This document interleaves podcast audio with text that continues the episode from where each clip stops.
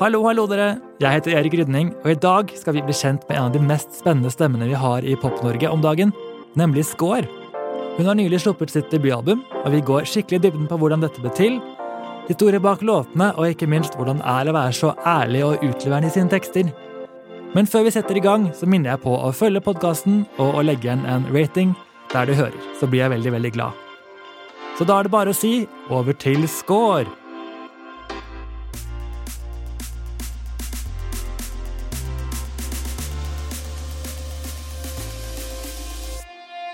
Året, det er 1998.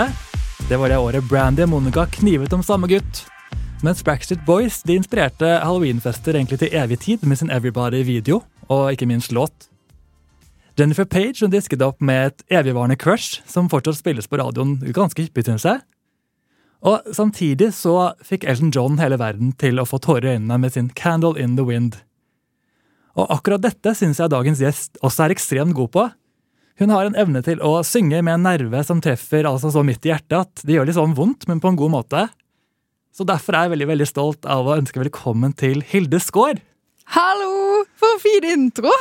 Ja, Er du fornøyd? Det var dritkoselig. Å, Så bra. ja, men Det er veldig sant. Jeg blir veldig rørt av din eh, måte å synge på. Det er veldig, veldig fint. Tusen takk. Så Derfor er jeg så spent på å bli litt mer kjent med deg, hvordan du lager musikk og alt med din karriere, egentlig. Jeg Ja. håper du er klar. Jeg, eh, jeg tror jeg er klar, i hvert fall. Ja.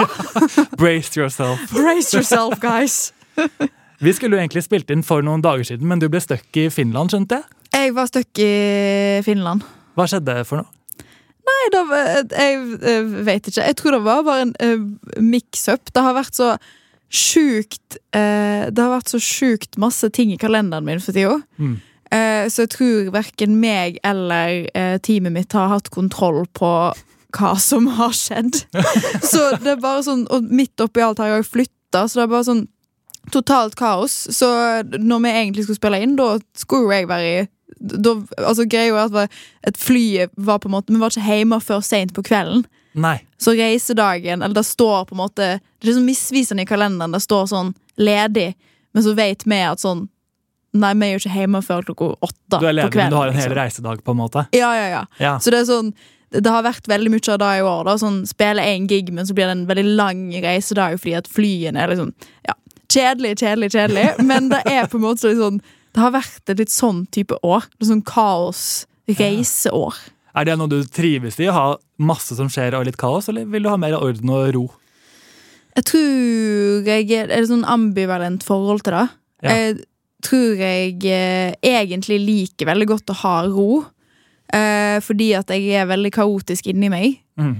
Um, men, så, men så blir en jo vant til å ha det kaotisk utenfor òg, så med en gang det roer seg, så blir jeg superrastløs. Ja, Så jeg tror jeg på en måte eh, alltid er liksom litt misfornøyd. det er en god grunninnstilling. veldig komisk å vite. Jeg skjønner jo at du har hatt veldig mye å gjøre i og med at du akkurat slapp ditt debutalbum. Mm. For er, man kaller det et debutalbum, gjør man ikke det? Jo, en gjør jo det. Det er litt sånn rart, for jeg har sluppet så masse musikk fra før, og jeg har på en måte sluppet et akustisk album og eh, en veldig lang EP som egentlig kan eh, tolkes som et album. Ja, fordi man sier at EP-er egentlig er mellom fire til seks sanger, og dine er jo på sånn ni Tid, Ja. tror jeg. Så jeg tenkte sånn, her eh, leker vi med termene. Ja, jeg følte liksom at jeg kanskje tråkka over en, ters, en albumterskel der litt tidlig. Men jeg, eh, jeg tror bare med det første prosjektet mitt som heter The Other Side of Waiting, så følte jeg på en måte sånn Dette føles ut som en EP, men alle låtene må være med, som jeg hadde tenkt. Så da ble det sånn åtte låter, tror jeg. Ja. Det er jo egentlig album. Men uh, dette, føl, dette er jo debutalbumet, Ja. føler jeg. Virkelig. Eh, og det er jo også fordi jeg har jobba så lenge med det, og jobba liksom spesifikt retta inn mot albumet. Mm. Um, så det føles ganske vilt. Det tar jo litt tid også å sikkert finne sin sound og måten man jobber på som artist underveis. Jeg vil tro du har utviklet deg mye siden du begynte. Ja, det tror jeg virkelig. Og så er jeg veldig Jeg er sjukt stolt over de prosjektene jeg har sluppet fra før òg. Eh, både den første EP-en og det akustiske albumet. Jeg, jeg liksom Jeg føler de to prosjektene har på en måte eh, forma det albumet jeg har sluppet nå. Ja. Eh, at det har liksom på en måte blitt en sånn miks av de to. Mm. Um, og ja, jeg føler ikke at det, det albumet her hadde vært der uten deg, da. At en må liksom finne ut av ting. Nei, Jeg skjønner hva du mener, for vi skal jo egentlig gå ganske inn i nesten alle dine releaser. Det er min plan her nå. Det er så gøy! Men i forhold til den EP-en du snakket om nå, så føler jeg at der er du jo Du kom jo først ut med da Higher Ground Mm. og Wicked Rhythm. Ja. Og så hadde, men så etter det så tror jeg det var 24 Times. Er jeg litt usikker på ja, jeg tror det var 24 som var tredje, ja. Ja, Absolutt. ja, for den viser jo da Jeg føler jeg viser veldig en bredde eller en eh, kontrast. Fordi Ja. de, to første er veldig sånn euforiske og lystige, i hvert fall det jeg hører. Ja. Mens 24 er mer sånn litt, litt mer av det man får på Mad Woman-albumet, syns jeg. da. ja. Shit, det har ikke jeg tenkt på engang, men da, da tror jeg stemmer. Ja, Ja. du, kan, du får lov å si nei, men jeg bare hørte, jeg hørte gjennom de sammen. Så fikk jeg litt sånn Ja. Her ser jeg begge sidene av Hilde. Ja, shit, så gøy! Det er gøy.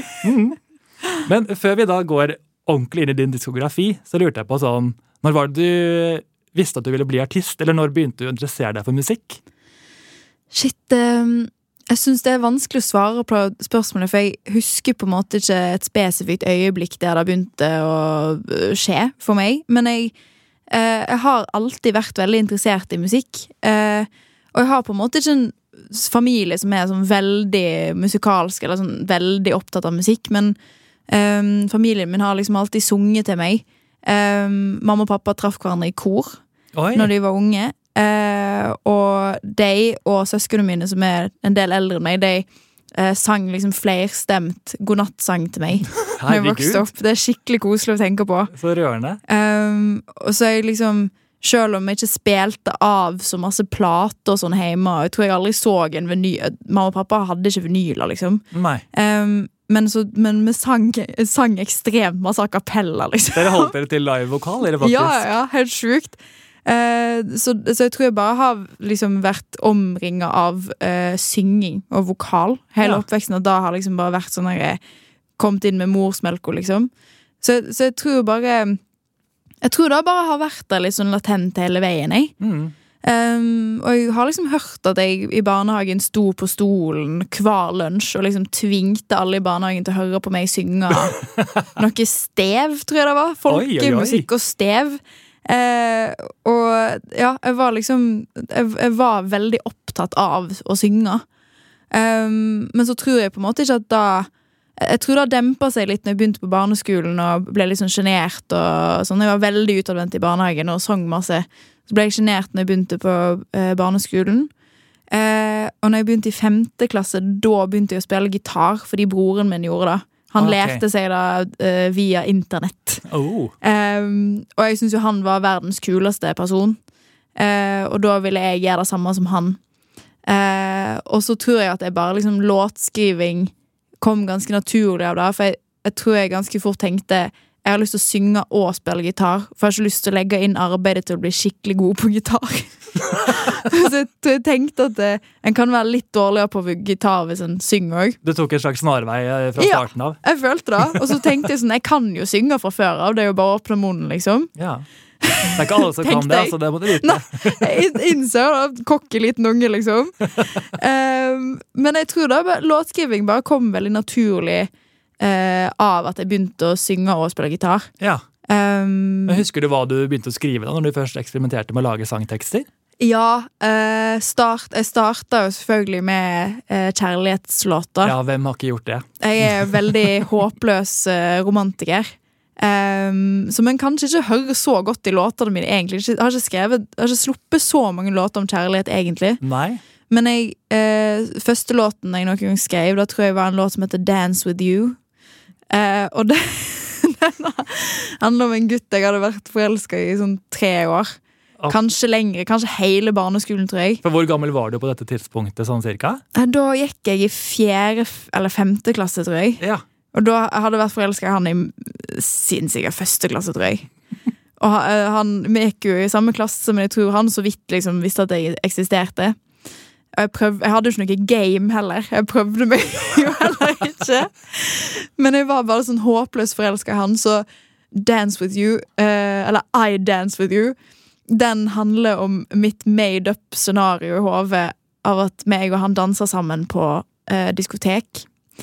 Eh, så teksten var I dance with you, I can't believe it's true. It's true. I don't know what to say when you're right beside of me. Og det er sterkt. altså Det er lyrisk nydelig, må jeg si. Det er jo det, er jo det som starta min reise, da. Så, Tenk det. You don't know what to say. I don't know men, what to eh, say. du har litt mer å si, har vi skjønt. Jeg har litt mer å si enn det nå, uh, men jeg syns det er veldig koselig at jeg liksom starta med å bare drømme meg vekk til at jeg hadde en type. det er et veldig fint bilde av lille Hilde som står på dansegulvet og drømmer seg bort. Ja, jeg vet det. Nei, shit, det er koselig. Men uh, Nei, shit, jeg tror jeg bare har hatt lyst til å være artist eh, hele oppveksten. jeg ja. Men bare liksom stille i, i meg sjøl, for jeg tenkte sånn Hvis jeg ikke hvis jeg ikke sier det høyt til folk, da kommer jeg ikke til å feile. på en måte Nei, Det er jo liksom norsk holdning, men det er ikke så vanlig å si sånn 'jeg skal bli superstjerne'. Ja. Man venter litt til man kan si det trygt sånn 'nå har jeg noe på gang', nå kan jeg ja, gjøre det. ja, jeg venter veldig til liksom, ok, men nå, er det, nå nærmer det seg noe her. Mm. Så jeg jeg var, holdt eh, kortene tett til brystet. Ja. Mm. Før du da ble oppdaget, eller hvordan skjedde dette at du fikk platekontrakt? Nei, eh, mange steg på veien. Masse tilfeldigheter, føler jeg. Mm. Eh, men jeg føler på en måte at jeg eh, ble litt oppdaga på litt samme måte som Justin Bieber. Han ble wow. oppdaga gjennom YouTube. Mm.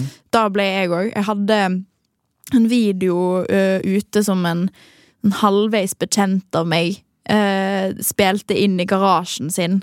Uh, jeg tror det var i åttende klasse eller noe sånt.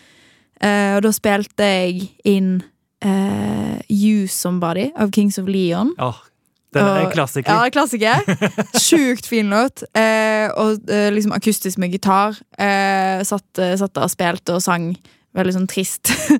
og så eh, var det òg en veldig sånn trist og depressive versjon av uh, You're the one that I want fra Grease. Oi, ok Så det var liksom de to låtene da, som vi skulle poste fordi vi hadde lyst til å bli eh, rike på YouTube. Vi tenkte at da gikk an. på en måte Det var målet sånn egentlig først og fremst? Ja, målet var egentlig bare å tjene oss penger. Hadde ikke noe mer tanker enn da. Sånn, vi får sikkert masse views, og så tjener vi penger på det. Um, fikk uh, maks 2000 views, tror jeg. Ja, det Syns noe, jo det var masse, jeg, da. Mm. Uh, men en av dem var uh, manageren min, som jeg hadde i uh, jobba sammen med i sånn sju år. Fra Oi. jeg var 13-14 år. Ja. Så han tok kontakt med meg og hadde lyst til å begynne å jobbe med meg.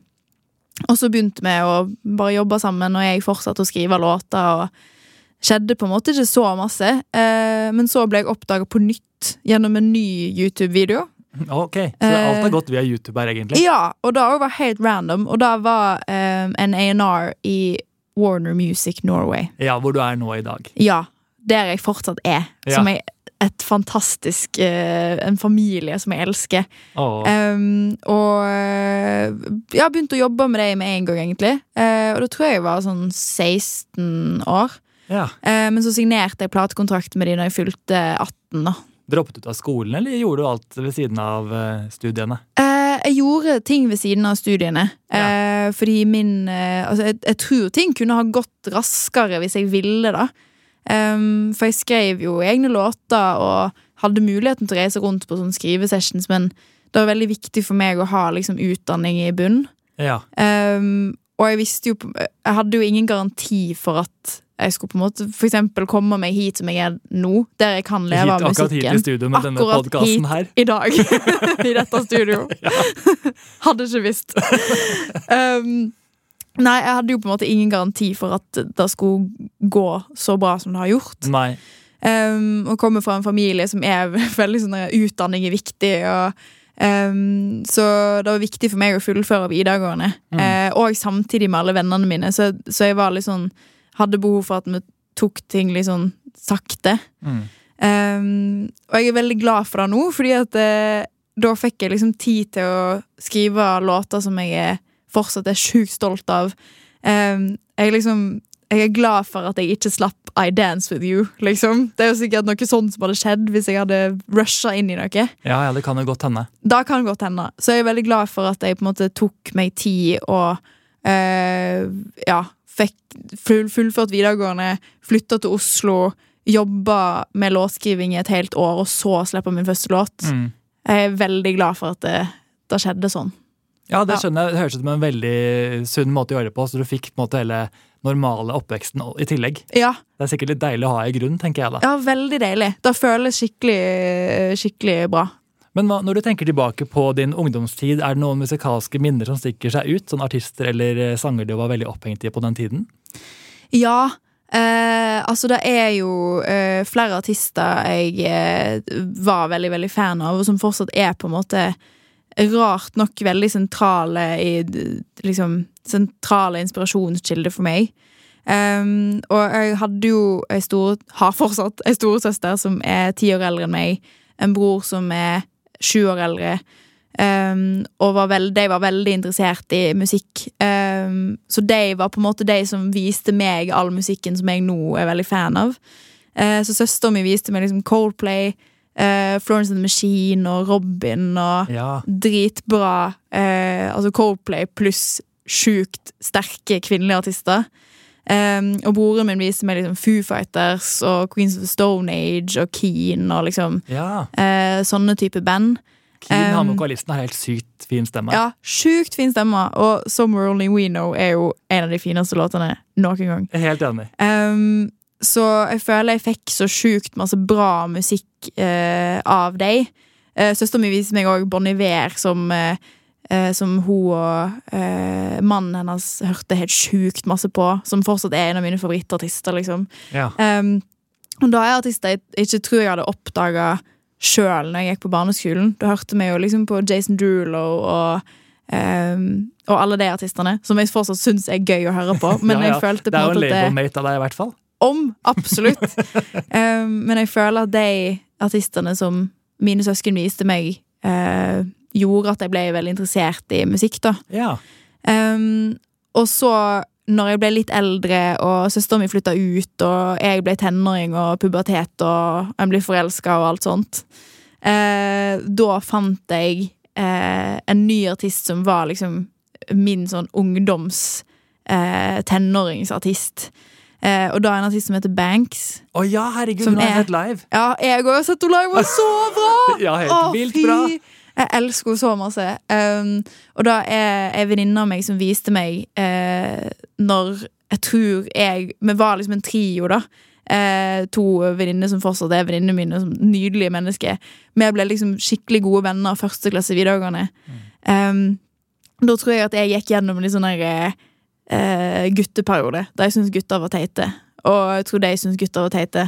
Um, og da var hun sånn Dere må høre på denne låten her. Uh, den heter Goddess, og den handler om at uh, du er gudinna, og menn fortjener deg ikke. Sterkt budskap. ja! Og jeg var bare sånn Å, herregud, dette åpner en ny verden for meg. Jeg er jo strong independent woman. Så deilig å få det budskapet inn. Ja! Og jeg trengte det så sjukt. Jeg hadde liksom Søsteren min hadde jo vist meg Robin og Florence Machine og sjukt liksom sterke kvinnelige forbilder.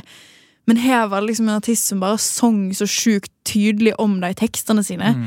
Um, og jeg er en person som alltid har slitt med å for eksempel være sint. Ja. Uh, og jeg føler liksom at hun har hjulpet meg til å bli flinkere til å bli sint. Oi. Ja, for Fordi hun har litt sånn hard og sint hard- musikk. Ja, hun har litt sånn hardt uttrykk, hardt elektronisk uttrykk, og hun eh, lar seg sjøl på en måte føle alle følelsene Mm. uansett hvor hardt det er, på en måte.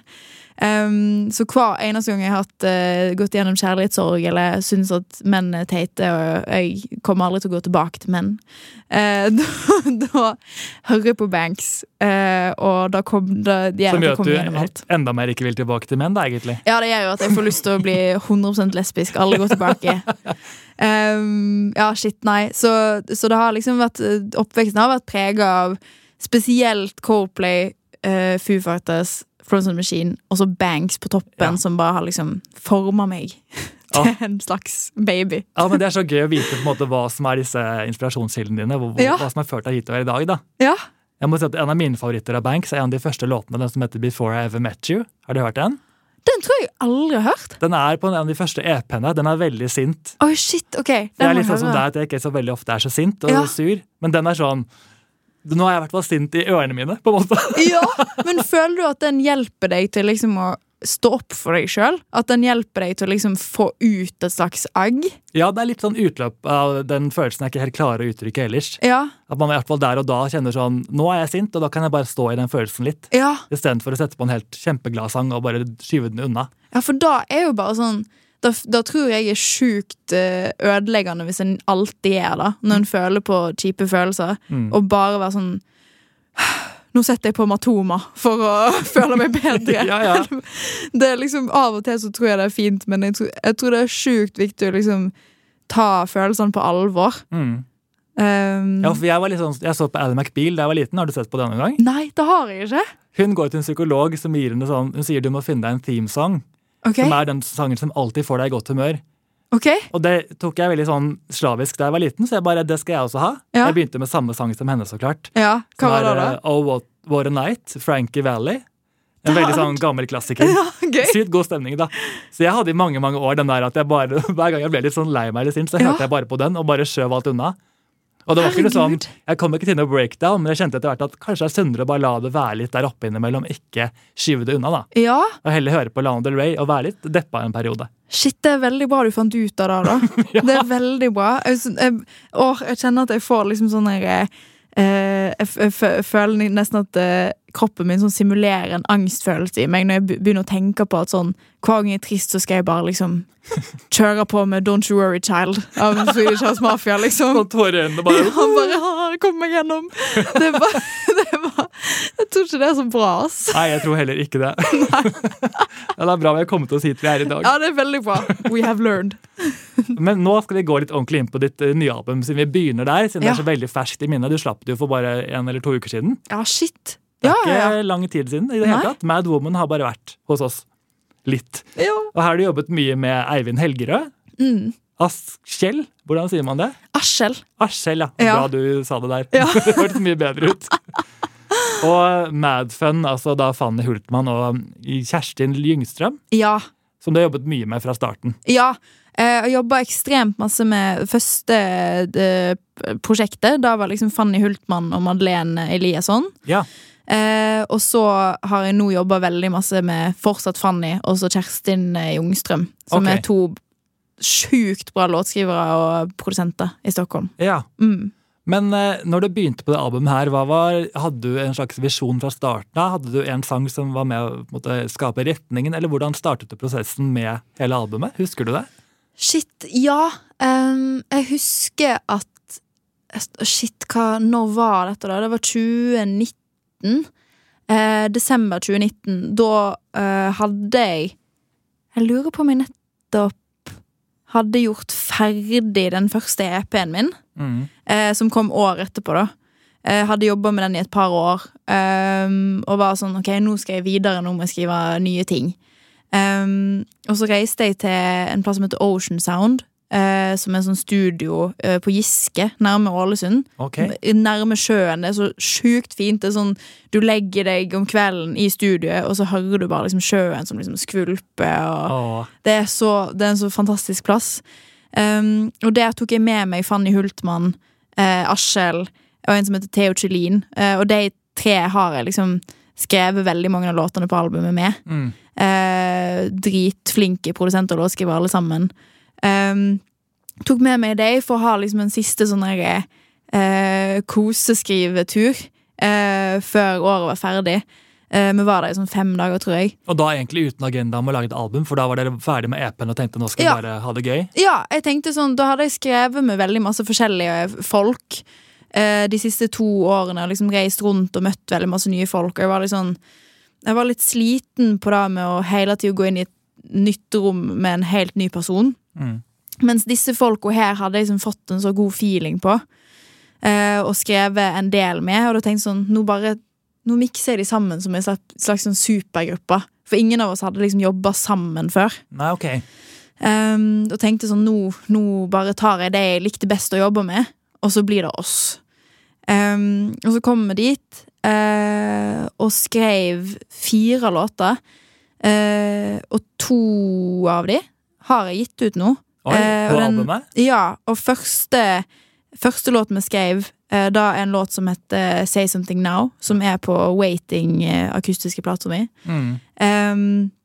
Og så låta vi skrev siste dagen, da er altså Follow Your Heart. Åh, Den som elsker er jeg. Å, så gøy! Den er så catchy. Jeg elsker den så masse. Ja. Um, og da var på en måte starten på noe nytt for meg, Fordi da hadde de liksom skrevet så sjukt seriøst hele uka og liksom skrevet om at jeg var, hadde kjærlighetssorg. Og, Mm. um, og siste dagen så var vi sånn Nå kjøper vi masse Peroni, uh, og så drikker vi oss dritings. Og så prøver vi å skrive noe bare på gøy. Um, og da uh, drakk vi pils, spiste noe pasta. uh, stilte oss opp i liksom noe store studio der. Um, satte masse mikrofoner rundt, og så bare begynte vi å knipse. Og liksom var sånn Woo! Hei! Bare lagde masse rare lyder. Sånn freestyling, på en måte. Ja, og det var bare sånn Gjør det rareste du kommer på. Og vi klappa og hadde latterkrampe. Gikk bort til piano og gjorde noe rart. um, og vi tenkte bare sånn Dette blir ikke en låt, men det går fint. Vi har skrevet tre andre dritbra låter. Um, så går vi inn i studio, og så setter Askjell seg ned, og så begynner han å bare klippe sammen alt vi har gjort. Og så blir da liksom Da blir trommene og, og beaten eh, på hele Follow Your Heart. Oi! Um, så alle de der ho-ho Ja. vi hører, og eh, knips og alle trommene, da er liksom oss som bare sto og kødda rundt i Herregud, studio. for den har en veldig sånn eh, fargerik produksjon, vil jeg si. Ja, Mye gøye lyder, da. ja. Det er Wow. oss som er dritings og bare kødder rundt. Da liker man jo enda bedre når man vet Ja, det. Det er veldig gøy. Og det er veldig gøy med at, den, at låten ble liksom hettende Follow Your Heart òg, for det føltes så deilig. Jeg har i hvert fall gått veldig gjennom en prosess alle disse årene med låtskriving på liksom et slags sånn profesjonelt nivå. Der jeg føler at jeg må liksom force noe. Eller sånn uh, Det verste med jobben er de, de dagene der jeg føler at jeg ikke uh, får det til, og jeg må liksom presse ut noe. Eh, mens her var det så deilig at det bare sånn Her bare skjer det. Bare gjør det du har lyst til. Ha det gøy. Mm.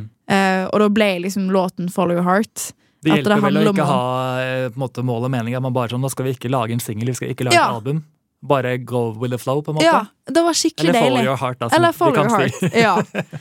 Um, og så eh, begynte vi bare Jeg tror vi skrev den ferdig på to timer. Um, og bare hadde det dritgøy når vi spilte, spilte den inn, liksom. Ja. Um, og refrenget der er, som er ute nå, da er den vokalen jeg tok opp den kvelden. Oi, det er første take, omtrent. Ja, mens versene Jeg har liksom skrevet om versene i senere tid. Uh, men refrenget er uh, fra den kvelden. Og da er det veldig gøy Oi. å tenke på at jeg var uh, full og glad. Jeg liker så godt den på måte, repetitive delen hvor du sier 'follow your heart', your heart igjen. Ja, Det er vanskelig å si. altså Jeg synger med på den selv. jeg sånn 'follow your heart, your heart, your heart'. Your, heart. Det er kjempevanskelig. Jeg prøvde, Vi spilte den live første gang nå vi, vi spilte på Reperbanen, en sånn bransjefestival i Hamburg. Um, da spilte vi Follow Your Heart første gang live.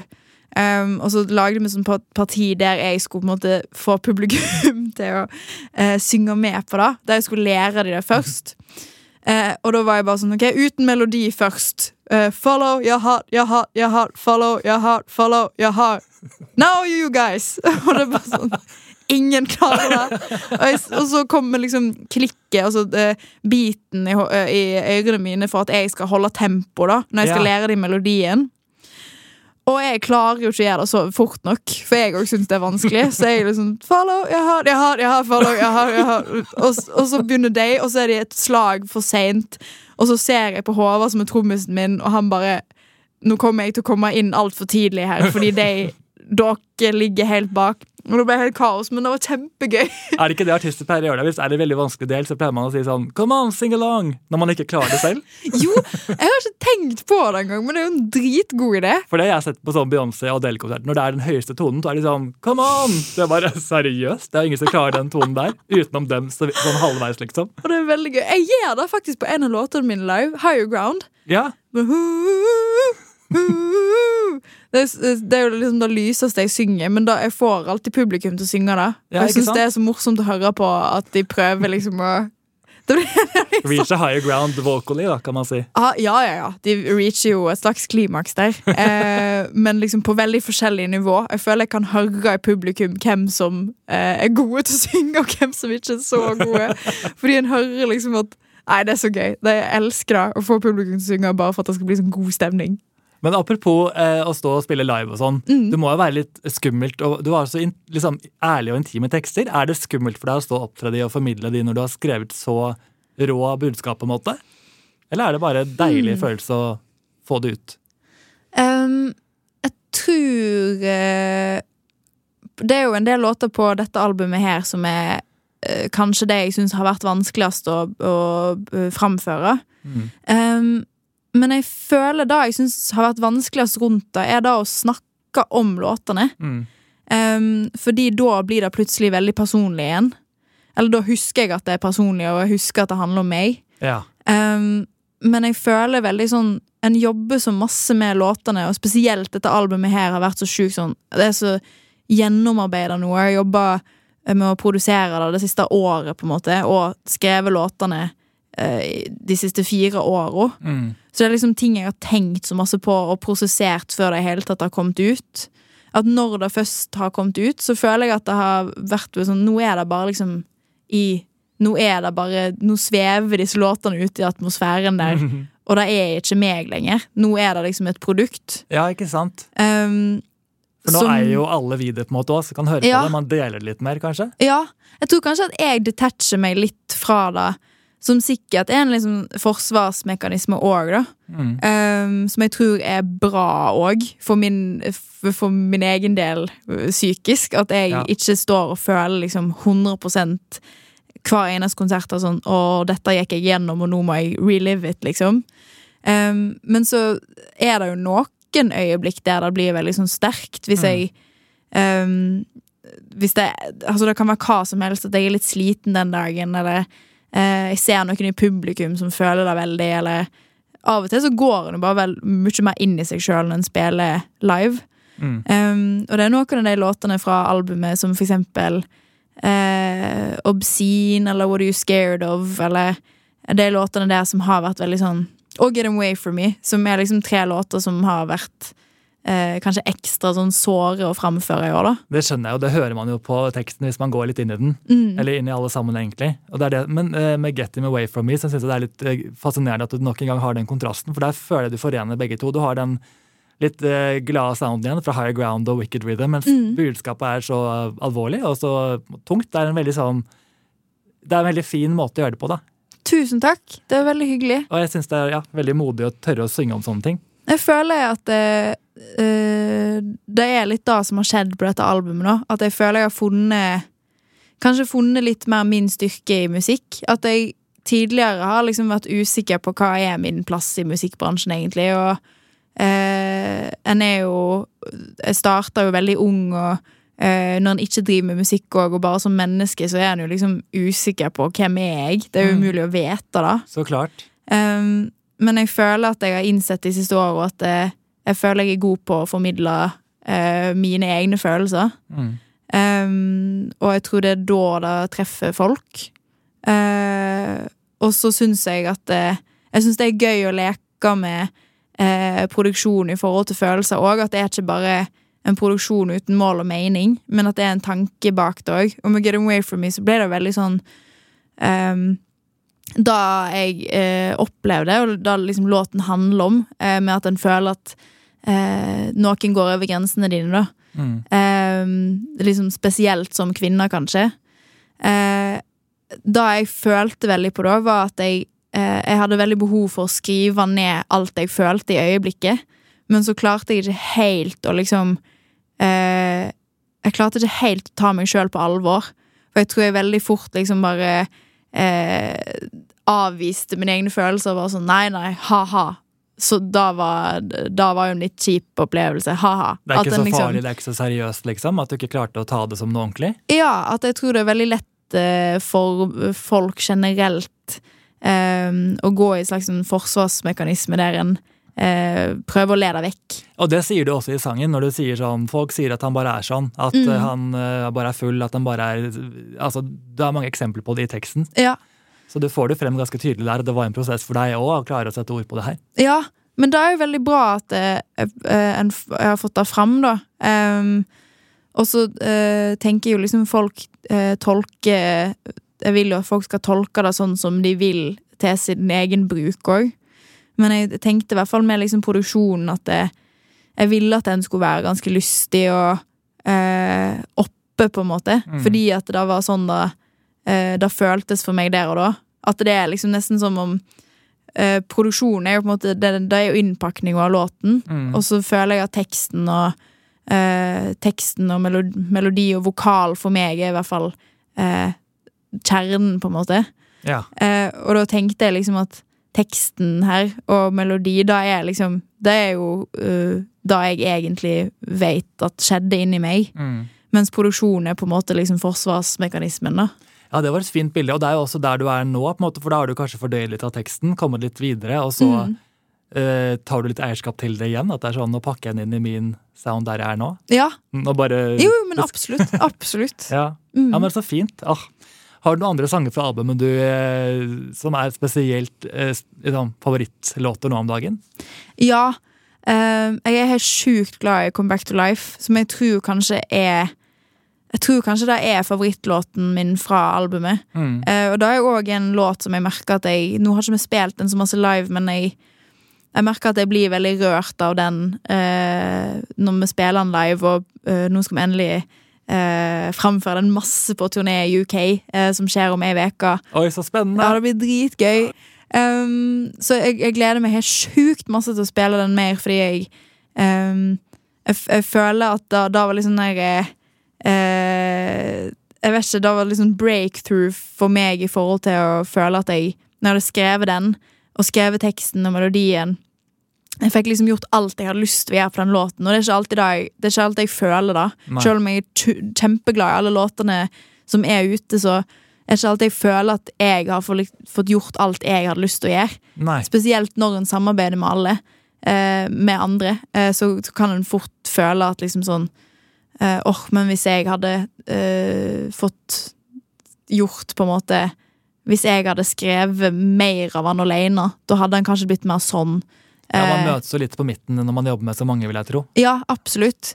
Mens på Come Back to Life så jobber jeg med en som heter Vetle Junker, som er produsent og låtskriver, og det var liksom fordelinga bare sånn Han lagde gitarriffet og det musikalske, og jeg eh, skrev tekst og melodi. Ja. Eh, og det var så digg å bare sitte der og skrive og bare gjøre akkurat det jeg ville, liksom.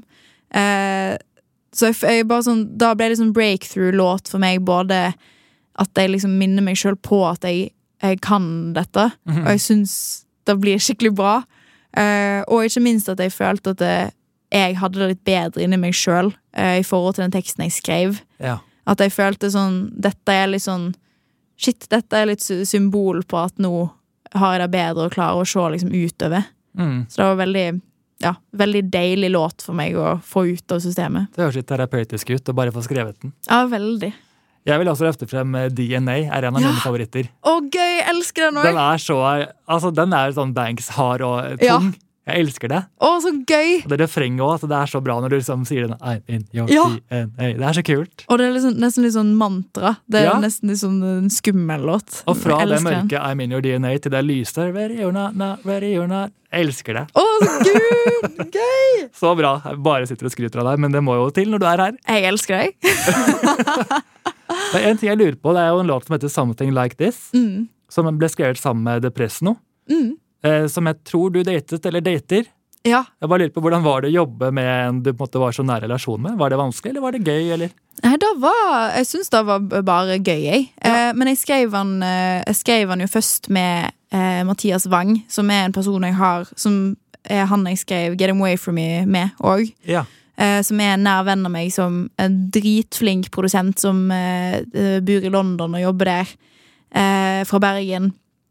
Eh, han har jobba med i noen år, og eh, jeg følte vi liksom jobba, eh, jobba ut et sound ganske eh, sammen. Og han var så sjukt sånn tålmodig med meg og lot meg sitte og skrive. Og eh, han er så sjukt sånn som har lyst til å høre alle ideer, og, og liksom tok ut det beste av meg. Eh, så vi skrev jo først Something Like This eh, sammen. Og så er jeg sånn som fort kan bli litt sånn låst på tekst, og bare trenger noen å kaste ball med.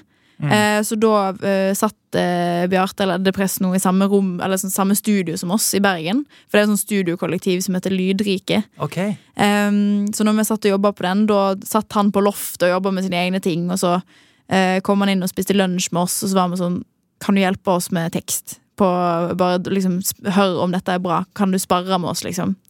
Eh, og da skrev vi liksom teksten på versene sammen. Og det syns jeg bare er skikkelig gøy. Ja. Eh, spesielt på sånne låter som er sånn Jeg syns alltid det er gøy å øh, jobbe med folk, men spesielt på sånne låter som bare er sånn åh, nå er det bare gøy å skrive, Mm. og det er ikke noe tungt her. Nå er det bare sånn, nå skal en skrive om at den er the fucking center of the universe, som den låten handler om. Det er det den handler om, ja. Eh, og nei, det var, jeg syns det er helt rått, jeg. Det var sjukt gøy å jobbe med den. ja.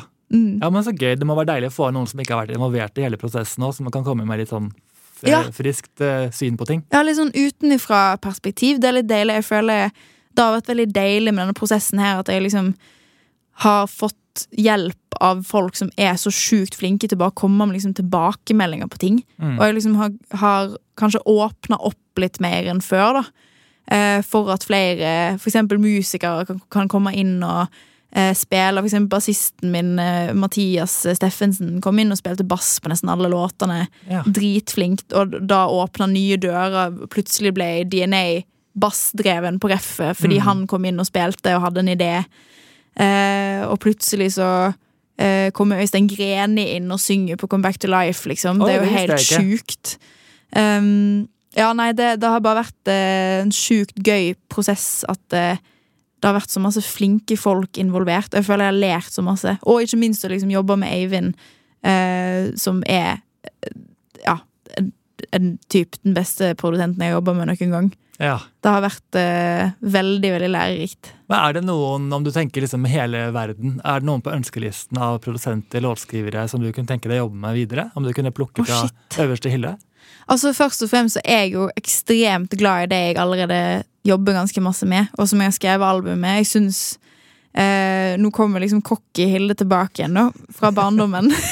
She's back. Skal du gjøre et sted for meg også snart? Ah, en, eh, oh, da må jeg drikke et par pils først, eh, tror jeg. Jeg tror ikke jeg gjorde det i barnehagen, men, jeg trenger det nå. Um, men nei, jeg syns det er et dritbra album. Jeg er skikkelig skikkelig stolt over det. Eh, jeg hører masse på det sjøl òg fortsatt, som ah, er liksom så så digg. Um, så jeg er veldig fornøyd med alle jeg jobber med eh, på det, og har lyst til å liksom jobbe med deg til, til jeg er 80 år. Jeg håper du topper din egen sånn Spotify-rap, at du er sånn, din mest spilte artist er deg selv. Det hadde vært litt gøy. Jeg har ikke hatt det tidligere. Og det er fordi at jeg har liksom bare hørt på meg sjøl på Dropbox. Ja, ikke sant? Men jeg, burde jo, ja, men jeg burde jo gi meg sjøl streams Ja. så, og and money, så jeg må, må, må skjerpe meg. Dr- Drit i Dropbox, liksom. Ja, ja. Få alt over på streaming, Ja. så får vi litt cash ut av det. Ja. Vi, du skal få det selv, altså. Med. Jeg, skal, jeg trenger de pengene. Um, ja, shit, nei, men låt altså, Folk jeg har lyst til å jobbe med Jeg har veldig lyst til å jobbe med Lido. Oh, ja! Jeg har alltid lyst til å jobbe med Lido. Han, eh, jeg var superfan av han da jeg var liten, og hadde crusha hardt på uh, den der eh, låten som heter Different. Å ja, den husker jeg ikke helt. Den er I'm different, I'm different. Det høres ut som en banger. Ja, det er en superbanger. Han har òg en remix med Jarle Bernhoft som, på den låten som het Vill. Oi! Jeg, jeg var så fan av han, og ikke minst liksom låtene han har prodda til Banks, er Ja. helt sjukt. Ja, for han har jobbet med henne. Ja, Det har ikke jeg fått med meg. Herregud, så altså, flaut. en av mine favorittlåter i verden er uh, Better av uh, Banks, eller Better. Ja. Eh, Han må velge å gå all in, eller ja, velge norsk be better. Better. Better. uh, den er så bra, og den er Lido som har prodda, og den, en hører jo veldig i prodden at det er han som har gjort det. Ja. Um, og så på den nye plata er det første liksom, åpningslåta på plata som heter Misunderstood. Som Mm. er liksom den låten jeg har hørt på i år når jeg skal pumpe meg sjøl opp og trenger eh, sjøltillit. Hvis jeg skal ut på byen eller i et møte eller noe sånt. Eh, så jeg har hørt på den. Og det er et Um, hot tips til alle sammen. Man kan ta den for å få på en liten Ja. selvtillitsboost. Ja, ja, ja. Da får en En føler seg En har så eh, Altså, big dick energy kan en på en måte ikke si, eller Big, Ja, big mener, pussy energy. Ja, er det, jeg vet ikke. Ja. Long, wide pussy energy. Long, long uh, tight pussy energy. Får jeg av den, i hvert fall. Ja. Så, så Lido har jeg lyst til å jobbe med. Um, kommer ikke på Kommer ikke på noen. Jeg, jeg må helt ærlig si at jeg ikke har så veldig masse peiling på, på, liksom, på låtskriver og produsenter. Nei, jeg synes Det høres ut som du har ganske god peiling, altså, men det er også en god ting at du sier at du er veldig fornøyd med de du jobber med nå. Ja. Bedre kan det jo ikke være sånn egentlig for din del. Nei, jeg føler det, alt handler jo om kjemi. Ja, ikke sant? Og at en eh, forstår hverandre og eh, har liksom lik visjon. For det må være ganske tøft for artister i starten å være på masse sessions, møte nye folk i alle sessions, åpne seg opp øh, liksom, følelsesmessig og skrive låter med alle. Det høres så vanskelig ut. Jeg syns det er helt grusomt, jeg. Eh, og eh, ikke at eh, Altså, alle jeg har skrevet med, har vært dritfine folk. Eh, men det er bare Psykologen min sier at det er ekstremsport. Ja. eh, følelsesmessig. At en skal liksom brette ut om sitt innerste, innerste, Mm. liksom. Til hvem som helst.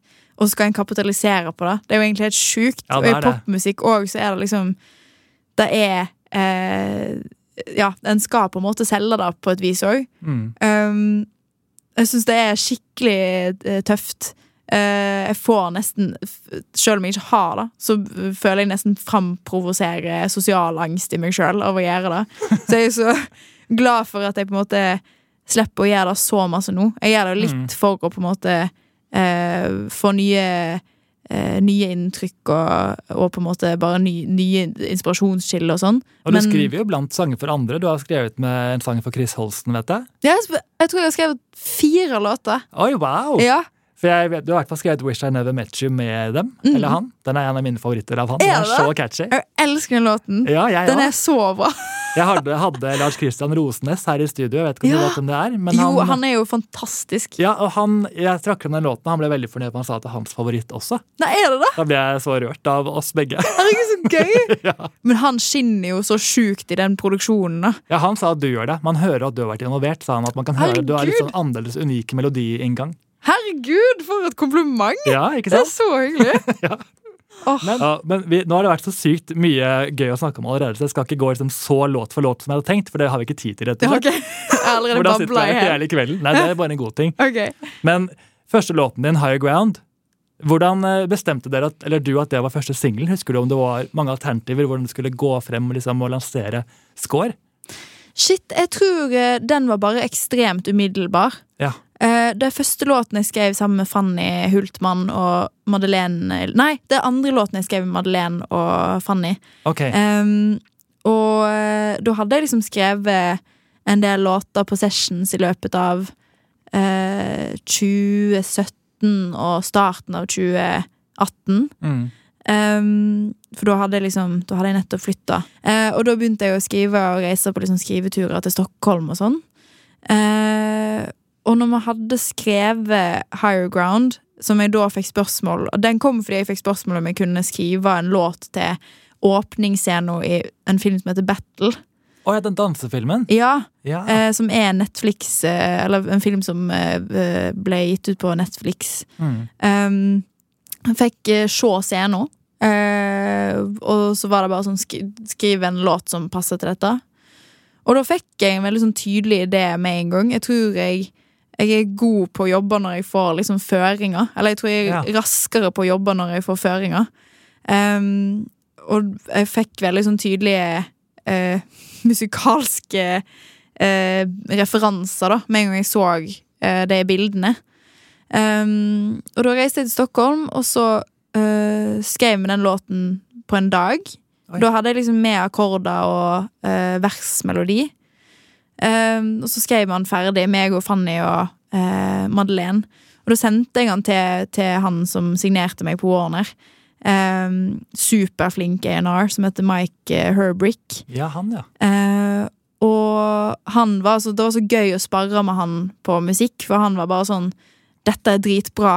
Uh, dette er ikke så bra. Kan du prøve litt mer sånn? Jeg følte liksom jeg lærte så masse av hans feedback, da. Mm. Um, og da husker jeg at jeg bare fikk bare masse sånn utropstegn tilbake på kvelden på hotellrommet. Var sånn I fucking love this. det var så deilig følelse. Ja, det var så deilig.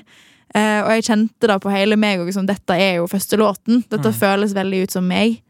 Um, nå kom den ut, og det gikk liksom over all forventning. Ja, Den har jo nesten 15 millioner streams bare på Spotify. Har den nesten 15 nå? Ja, i hvert fall over, godt Oi, over 14. Jesus! Det er jo helt sjukt. Ja, det er det. Jeg, sist jeg sjekka, så var det 10, og da syns jeg er masse. Ja, Den jobber seg fort oppover her. Herregud, sjukt at den fortsatt blir streama, da! Ja, man blir jo ikke lei av den. Herregud, så gøy! Den er veldig, veldig bra. Og apropos det å lage en låt til Netflix. Du har jo også en julelåt i, som var med i Home for Christmas. Mm. Den er så rørende. Altså, apropos oh, det jeg sa i starten, å treffe en nerve. Den er helt sånn, åh, Jeg klarer nesten ikke å høre på den, men jeg elsker den samtidig. Ja, den er trist. ja, Veldig trist. Men uh, hadde du litt samme opplevelse av at du fikk se noe fra serien, og så lagde du sangen ut ifra det, eller? Eh, der var det litt annerledes. Det var det bare Jeg fikk bare vite plottet til serien. Mm. Eh, og så eh, var det sånn kan du, kan du skrive en julelåt til denne serien? Ja. Eh, og det er mange andre norske dritbra artister som skal skrive òg til serien. Og det blir, et, det blir et bra soundtrack, Mm. liksom.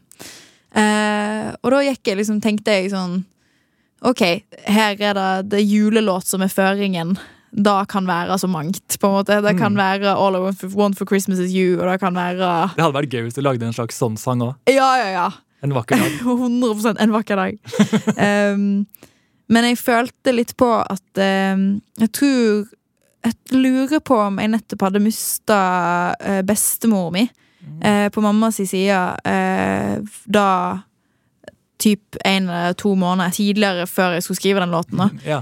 Um, så når jeg reiste til Bergen og skulle skrive denne låten med Askjell Solstrand um, Da kom jeg inn der og var liksom Jeg, jeg tror jeg var lei meg, liksom. Um, for jeg var veldig nær henne. Uh, og da bestemte vi oss for å skrive uh, en låt om da å liksom komme til julaften og, Eller grue seg litt til jul fordi en føler seg alene, da. Eller fordi en ikke har noen. Eh, og jeg har jo en familie som jeg er sjukt glad i og heldig som har, men eh, jeg tror jeg liksom fikk inn den følelsen av at sånn Det kommer til å bli veldig annerledes i år. Mm. Eh, og det er ikke bare glede, eh, fordi det er jo en veldig sentral person som ikke kommer til å være der. Um, og da kom den låten ganske fort ut av det, og da ble det jo en veldig trist låt, fordi eh, det handler jo på en måte om eh, om tap, på en måte. Mm, er miste noen en er glad i. Det blir jo litt sånn, det er fortsatt jul selv om hun er borte. Vi må på en måte kanskje gå videre med julen likevel, Ja. selv om det er trist. ja. Prøve å komme seg videre på et vis. Ja. Og så prøvde jeg òg liksom vinkle låten litt inn mot òg alle de som gruer seg til jul. Mm. Uh, og ikke bare gruer seg til jul ett år, men som gjør det hvert eneste år. Mm. Um, og det kan være mange grunner til det. Um, fordi det er på en måte Ja, det, det, det blir liksom mer transparent at en ikke har det bra da når det er jul, fordi du er liksom tvungen glede. ja, det er så intenst. Det er utrolig intenst. Uh, så jeg hadde egentlig bare lyst til å skrive en låt uh, til de som ikke føler jula så hardt. Ja. Um, ja, Den treffer veldig, og jeg håper flere hører på den, for den er så jeg vil si litt undervurdert. Jeg håper det blir en slags juleklassiker etter hvert. ja, det håper jeg òg. Ja, jeg, jeg er skikkelig glad i den, og uh, Ja, shit, nei. Det er jo det som er gøy med å ha en julelåt, at en ser at uh, han får en liksom bedre standing for hvert år som går. mm. Eh, og i fjor òg så, så jeg at han liksom Han var enda mer populær i fjor enn han var året før. ja så Året bare før. vokser og vokser. Ja, så det er veldig gøy. Um, og så skjønner jeg på en måte òg at det er vanskelig for at da blir en All I Want for Christmas Is You-klassiker, fordi det er en, en blir trist av å høre høre låten. Da trenger vi en slags remix. Eh, Da ringer vi Matoma. Da ringer vi Matoma, han må spice den opp litt. Det kunne blitt bra, det òg. Det kunne blitt interessant. Det, jeg- det er jeg enig i. Men du er jo veldig god på coverversjoner. Å, takk! Veldig mange fine. Both Sides Now, og du har The Scientist og så mye bra. Men jeg er jo veldig veldig glad i Britney Spears. Å, Jeg har en liten bok her om henne. Oh, til og med. Jeg så den boka! Eh, så jeg lurer på hvis du måtte covre en Britney-låt, hvilken ville du valgt? Toxic. 100% Ikke sant? Fordi det er bare en klassiker. Og altså, jeg, jeg reiser jo veldig masse på uh, turné med mitt fantastiske band. Uh, og for å Altså, en har det jo aldri uh, gøyere enn en gjør det til sjøl. Eh, så vi har liksom sånn eh, faste låter som vi hører på. Eh, en av de er Toxic. Den kommer i løpet av turen, for den er bare sånn Alle er enige om at da er en av eh, livets beste låter, liksom. Ja, Apropos fargerik produksjon, det er så mye som skjer i den. Det er så mange lag. Ja, og det er så sjukt Altså, Max Martin er jo en, eh, et geni. Um, og det er så gøy og inspirerende at det, bare sånn der, det er ikke bare vokalen som er uh, catchy. Det er liksom Det er så masse ting i produksjonen som du får lyst til å synge med på. Ja. Så når hun ikke synger, da synger du med på Wii! Ja, det er det som er så gøy, som er Ja. et sånt sample fra en Bollywood-film, tror jeg. Ja, oh, ja, seriøst? Så det er jo Bloodshine er vant, de svenske som har laget den og hentet en sånn sample og limt oppå hverandre. Og det er så avansert. Jeg kan sende deg et klipp av hvordan de har laget den, for det er er veldig Gud. gøy. Send det til meg! Ja. Det er jo nerding på hardt nivå. Jeg elsker det det. er. Og det er, no, det er det vi gjør her i poden, rett og slett. Det er så bra. Så jeg tenkte nå, altså, jeg hadde egentlig tenkt å gå litt dypere inn på låtene mine, men det har vært så, jeg føler det har gått så naturlig at det er morsommere å bare la det flyte. Så hva? Så jeg skal runde av med en liten quote fra Britney Spears selv, Ja! som jeg tenkte kanskje kan passe deg. Hvem vet? Herregud! Okay. Being in the studio a lot, I've been really inspired about beats. You get on the little machine. When you first get on it, you think everything you do sounds good. And I was playing around and I was feeling it. And I look around and everybody's like, yeah, yeah, yeah, it's good, Britney. And I started thinking, oh, Britney, this probably sounds like shit. Jeg bare tenker, Kanskje det kan være sånn at man lille blind i studio bare leker seg rundt og bare Er det bra? Er det ikke bra? Herregud! Jeg tror, men jeg, jeg tror kanskje at for meg så er det litt eh, omvendt, ass. Ja. At jeg, jeg tror jeg veldig det, eh, det skal en del til før jeg tenker sånn Faen, dette er bra. Jeg Ja. tror jeg går i, går i mm, Som en ekte vestlending. går jeg i negativitet først. Mer sånn forsvar. Du begynner der. Ja, jeg tror jeg begynner sånn Når vi jobber på ting, så blir jeg bare sånn Nei, dette er ikke så fett. Nei. Og så må jeg liksom jobbe meg opp til å bare sånn Jo, det var kanskje fett Folk rundt likevel. og bare 'Det her er ganske bra. Jobb videre med det'. Jeg tror andre må motivere. Jeg tror det er derfor jeg eh, trives så sjukt godt med å jobbe med andre. Fordi at det, eh, Hvis jeg hadde skrevet alle låtene mine helt mutters alene, prodda alt alene, eh, så er det ganske lite som hadde kommet ut, tror jeg. Jeg tror jeg trenger andre som sier til meg sånn 'Dette er dritbra'. Ja. Jeg trenger den der eh, bekreftelsen fra det jeg jobber med. For å forstå sjøl at det er bra. Ja, ja, ja. Jeg er helt enig.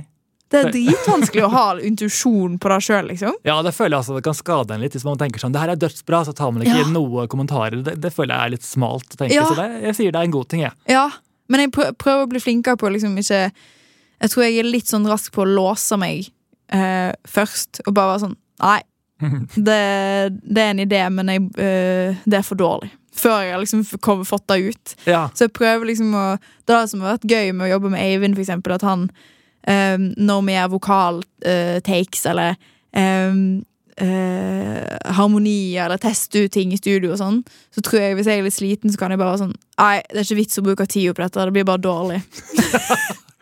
og så er han sånn Skjerp deg, vi må prøve det før du sier at det er dårlig. ja, snakk om å drepe stemningen. Ja, det er jo Jeg er jo eh, skikkelig fitte av og til. Men, men det er så eh, ja, Men iallfall en long wide en. En long, long wide uh, fitte, i hvert Jeg er ikke så god på å si det ordet. Jeg, bare, Long and wide. jeg føler vi kan runde av med det. En hyggelig ja, slutt. Men eh, takk for praten. Det var kjempegøy å bli kjent med deg. Det var veldig gøy. Jeg er eh, et kaotisk menneske snakkemessig, men det var veldig koselig å være her. Og jeg elsker det. Så bra.